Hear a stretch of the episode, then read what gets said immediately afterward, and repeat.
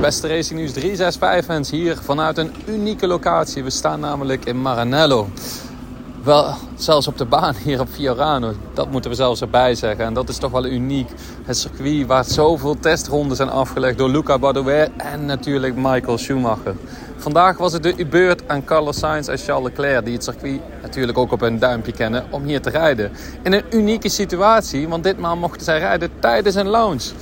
De bolide werd dus gepresenteerd aan de mensen. Die niet alleen hier op de straat stonden, want die tifosi kijken van buitenaf naar het circuit. Maar een deel van de tifosi werden ook uitgenodigd om hier op de tribune te zitten. Een paar honderd man waren, zo aanwezig bij de lounge. En dat bracht een, leverde een unieke situatie op. Zeker omdat, zoals gezegd, beide coureurs eventjes in actie kwamen. Charles Leclerc, ja, die won het muntje gooien met Vasseur. En daardoor mocht hij als eerste vertrekken. Maar daar staat tegenover dat Carlos Sainz drie ronden mocht rijden.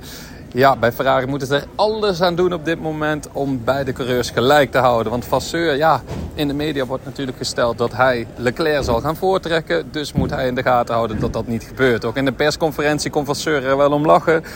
Met vragen die er vaak gingen over Sainz en Leclerc en wie nu de eerste coureur was. Daar sprak Vasseur zich duidelijk over uit. Dat deed hij al eerder bij zijn aanstelling door te zeggen... laten we eerst maar eens presteren en dan kunnen we daarna wel kijken of er een eerste coureur komt. Dat presteren zal moeten gebeuren bij Ferrari. Net als vorig jaar in het begin van het seizoen hoopt men op een goede start. Op een start, goede start van het seizoen. Maar zowel Leclerc als Sainz zijn toch wel heel bescheiden. Ze zijn bang ja, dat ze eerst nog maar eens moeten zien waar ze staan tegenover Red Bull. Je ziet heel veel bescheidenheid, nog weinig bravoure. Al kwam die bravoure dus wel duidelijk terug tijdens de lounge. Want wat was het mooi om deze lounge mee te maken. Sowieso is de Ferrari een geweldige bolide. Lees trouwens op ons site veel meer over de technische aspecten van de bolide. Want op het eerste oog denk je dat er niet veel veranderd is aan de wagen. Maar als je eventjes goed kijkt, zie je toch dat Ferrari flink heeft uitgepakt.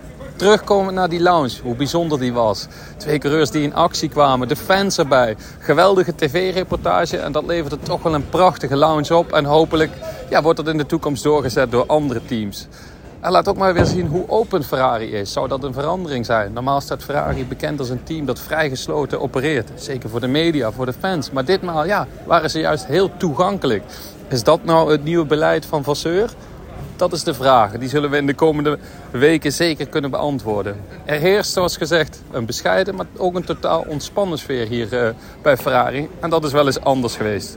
Zeer benieuwd wat dat gaat opleveren. In ieder geval was de lounge spectaculair. De wagen ziet er zeer goed uit. En dus ja, beschikt Ferrari over goede ingrediënten om aan een goede start van het seizoen te gaan beginnen. Maar uiteindelijk zullen ze het een heel jaar vol moeten houden. En niet zoals vorig jaar door uiteindelijk door Red Bull ingehaald te worden. Nou, we zullen zien wat het gaat opleveren bij Ferrari. Volgende week melden we ons vanuit Bahrein.